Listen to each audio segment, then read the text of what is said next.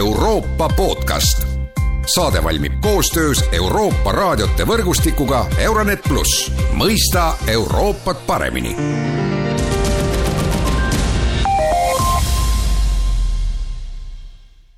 tere taas kuulama Euroopa podcasti. Euroopa Komisjon on otsustanud muuta riikide eelarvekorda. Mida see endaga võiks kaasa tuua, sellest on tänases Euroopa podcastis kõnelemas Euroopa Komisjoni Eesti esinduse majandusnõunik Ave Šank-Lukas, tere päevast! tere päevast! ja mina olen Erkki Pahovski.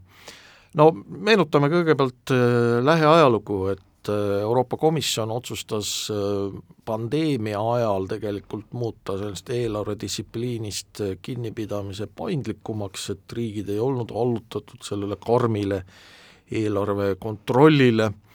aga nüüd on pandeemia läbi ja Euroopa Komisjon otsustas ka teha lõpparve selle paindlikkusega, noh, laiem küsimus ongi, et miks nii? No tõepoolest, et üldine vabastusklausel eelarvereeglitest, nagu seda nimetatakse, tähendab siis jah, seda võib-olla kõige üldistatumalt, et, et liikmesriigid ei pidanud pandeemia ajal jälgima äh, kahte põhilist kriteeriumit, mis Euroopa Liidu eelarvereeglitega on paika pandud. Need on siis äh, need, et Äh, eelarve defitsiit ei tohiks ületada kolme protsenti SKP-st ja riigi võlg ei tohiks ületada kuutekümmet protsenti SKP-st. Äh, ja see vabastusklausel rakendus põhimõtteliselt kohe Covid pandeemia alguses. see oli vajalik selleks, et võimaldada liikmesriikidel rakendada vajalikke toetusmeetmeid, et siis aidata oma ettevõtteid ja, ja töötajaid. Aga kuna nüüd äh, Euroopa Liidu riikide majandused on taastunud äh, pandeemia-eelsele tasemele, äh, siis ei olnud selle vabastusklausli rakendamine enam näidlustatud ja tegelikult juba komisjon eelmisel aastal viitas sellele, et tõenäoliselt see aasta jääb viimaseks, millel vabastusklausel on rakendatud ja järgmisest aastast see, see rakendamine peatatakse, et siis naasetakse nende konkreetsemate reeglite juurde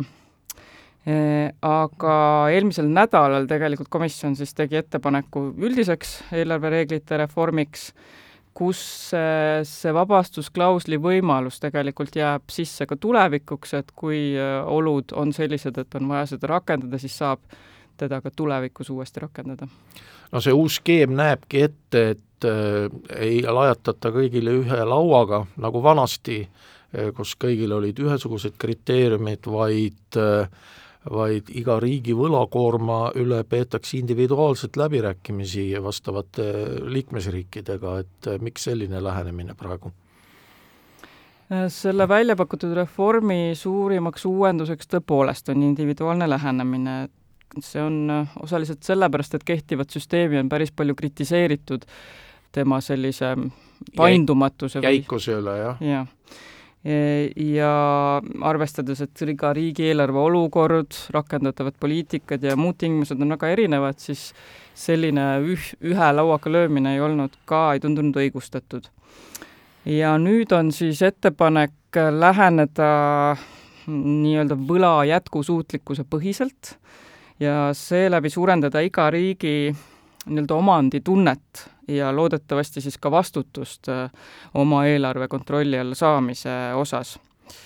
ja seetõttu selles komisjoni ettepanekus on ette nähtud, et, äh, et siis jälgitakse seda, et nendel riikidel, kellel see seesama, mis ma alguses mainisin, äh, eelarve defitsiit ületab kolme protsenti SKP-st või võlg ületab kuutekümmet protsenti SKP-st, siis komisjon pakuks välja sellise individuaalse trajektoori, kuidas oma mm, netokulud või eelarve tasakaalu juurde siis naasta ja kontrolli alla saada, eelarvepoliitika, ja siis peetaks individuaalseid läbirääkimisi iga riigiga ja riigid esitaksid siis äh, kavad, kuidas nad äh, selle eesmärgi saavutavad. ja siinjuures on nominaalseks kulude kontrolli alla saamise perioodiks välja pakutud neli aastat, selle jooksul siis tuleks saavutada see, et need Äh, näitajad jõuavad siis defitsiit kolme protsendi äh, alla ja ka võlg peaks siis hakkama liginema kuuekümnele protsendile. aga, ja lisaks siis tuleks veel näidata, et järgneva kümne aasta jooksul see suund jääb samaks ja äh, siin liikmesriikidel tegelikult on võimalik taotleda ka pikendust kuni seitsme aastani, aga sellisel juhul nad peaksid välja pakkuma vastavad reformid ja investeeringud, mis siis tagavad pikaajalise eelarve jätkusuutlikkuse no põhimõtteliselt jääb alles see Euroopa semestri protsess ikkagi, aga see on lihtsalt individuaalsem, siis ma saan niimoodi aru? jaa, Euroopa semester või Euroopa poolaasta, nagu me seda nimetame, jääb endiselt keskseks koordinatsioonimehhanismiks mõnes mõttes on ta oluliselt lihtsustatud, teisalt äh, kontroll äh, riikides toimetamise üle saab võib-olla olema parem, sest komisjon on ka välja pakkunud, et riigid võiksid siis korra aastas esitada raporti, kuidas nad oma kavadega edasi liiguvad. Ja siis saab juba võtta vastavalt tegevusi, kui, kui protsess ei ole või progress ei ole olnud soovitav. No selle plaani üle on juba peetud vaidlusi, Saksamaa ja ka Austria ja, ja Soome võib-olla ei taha nii lõtvu reegleid ja Saksa rahandusminister Christian Linner on kirjutanud Financial Timesis ja öelnud, et, et Saksamaa pooldab sellist noh, jäigemat lähenemist või põhimõtteliselt seda vana lähenemist, et et mida siis Euroopa Komisjon ütleb selle peale no eks komisjonil on äh, selles mõttes ju vaja kõigi liikmesriikide huvid ja ja soovid kuidagi arvesse võtta ja tasakaalustada. Saksamaa muret muidugi võib mõista, sellepärast et tal on äh,, Saksamaa õlul on ju kõige suurem vastutus Euroopa Liidu majanduse stabiilsuse eest, kõige suurema majandusena ja, ja ka netomaksjana Euroopa Liidu eelarvesse samas, ja Saksamaa ise on sisemajanduses alati sellist jäigemat ja äh, võiks öelda siis tasakaalus arvepoliitikat pooldanud. Ähm, et nad selles mõttes, me saame aru, et nende soov on, äh, on tagada, et ühisel euroalal oleksid reeglid selliselt kehtestatud, et iga riik võtaks ise vastutuse ja et risk teiste võlgade kinnimaksmiseks oleks võimalikult väike.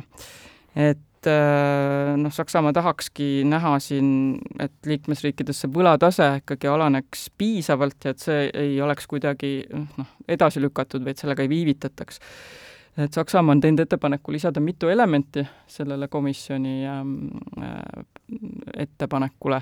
ja eks neid asju hakataksegi nüüd siis liikmesriikide vahel Euroopa Liidu Nõukogus äh, läbi vaidlema et siis kujundada liikmesriikide või nõukogu ühine läbirääkimispositsioon, samal ajal siis ka parlament ju on äh, kujundamas oma arvamust ja siis saab juba hakata otsima kompromissi kolme institutsiooni vahel. aga noh, komisjoni ootus ikkagi on see, et äh, enne järgmisi Euroopa Parlamendi valimisi, mis toimuvad teadupärast ju järgmisel kevadel juba, see kokkulepe saavutatakse, et siis järgmisel aastal saaks juba hakata uut, uusi eelarvereegleid rakendama no see on selline laiem majandusfilosoofiline küsimus, et äh, ja, ja selle üle on ju Eestis ka vaieldud, et äh, kas pärast pandeemiat äh, noh, võib-olla ei ole hea ikkagi hakata niimoodi kulusid kokku hoidma ja kärpima ja seda eelarvet kõikide vahenditega enam kontrolli all hoidma, vaid võib-olla tuleks seda raha juurde laenata ja natuke nii-öelda laristada, et majandus jalule saada, et kuidas Euroopa Komisjon sellele vaatab?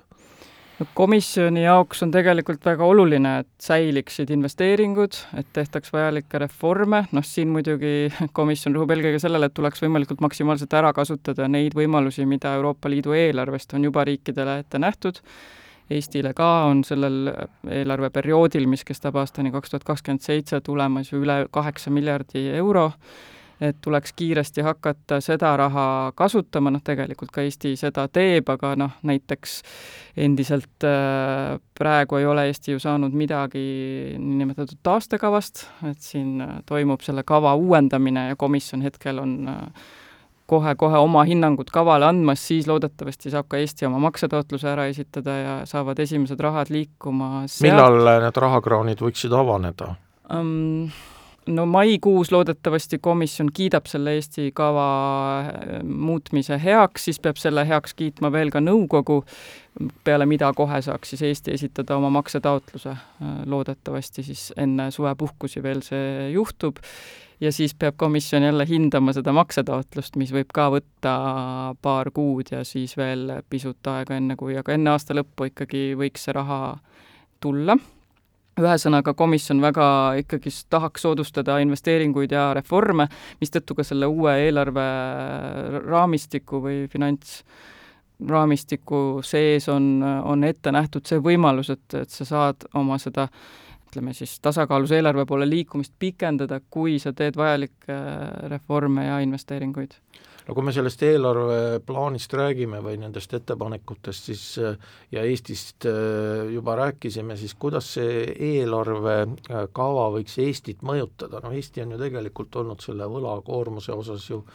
väga eeskujulik ja selliseid probleeme nagu näiteks Kreekal pole ju olnud, et et tundub vist, et siin nagu Eestil midagi väga karta ei ole jaa, tõepoolest riigivõla osas Eesti on kõige madalama võlatasemega riik Euroopa Liidus ja see jääb kaugele alla lubatud kuuekümne protsendi piiri, küll aga riik, riigieelarve defitsiidi osas kolme protsendi piir hetkel on ületatud, noh, valitsus on küll oma kavades ette näinud, et liigutakse järgmiseks aastaks tasakaalus eelarve poole,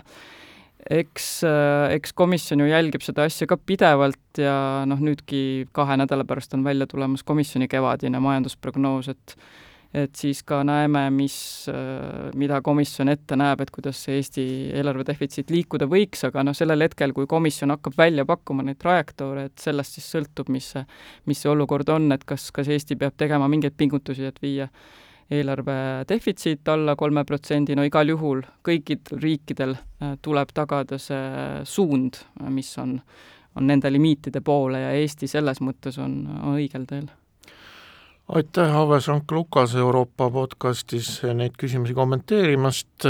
järgmine kord jälle, kõike head ja kuulmiseni! nägemist!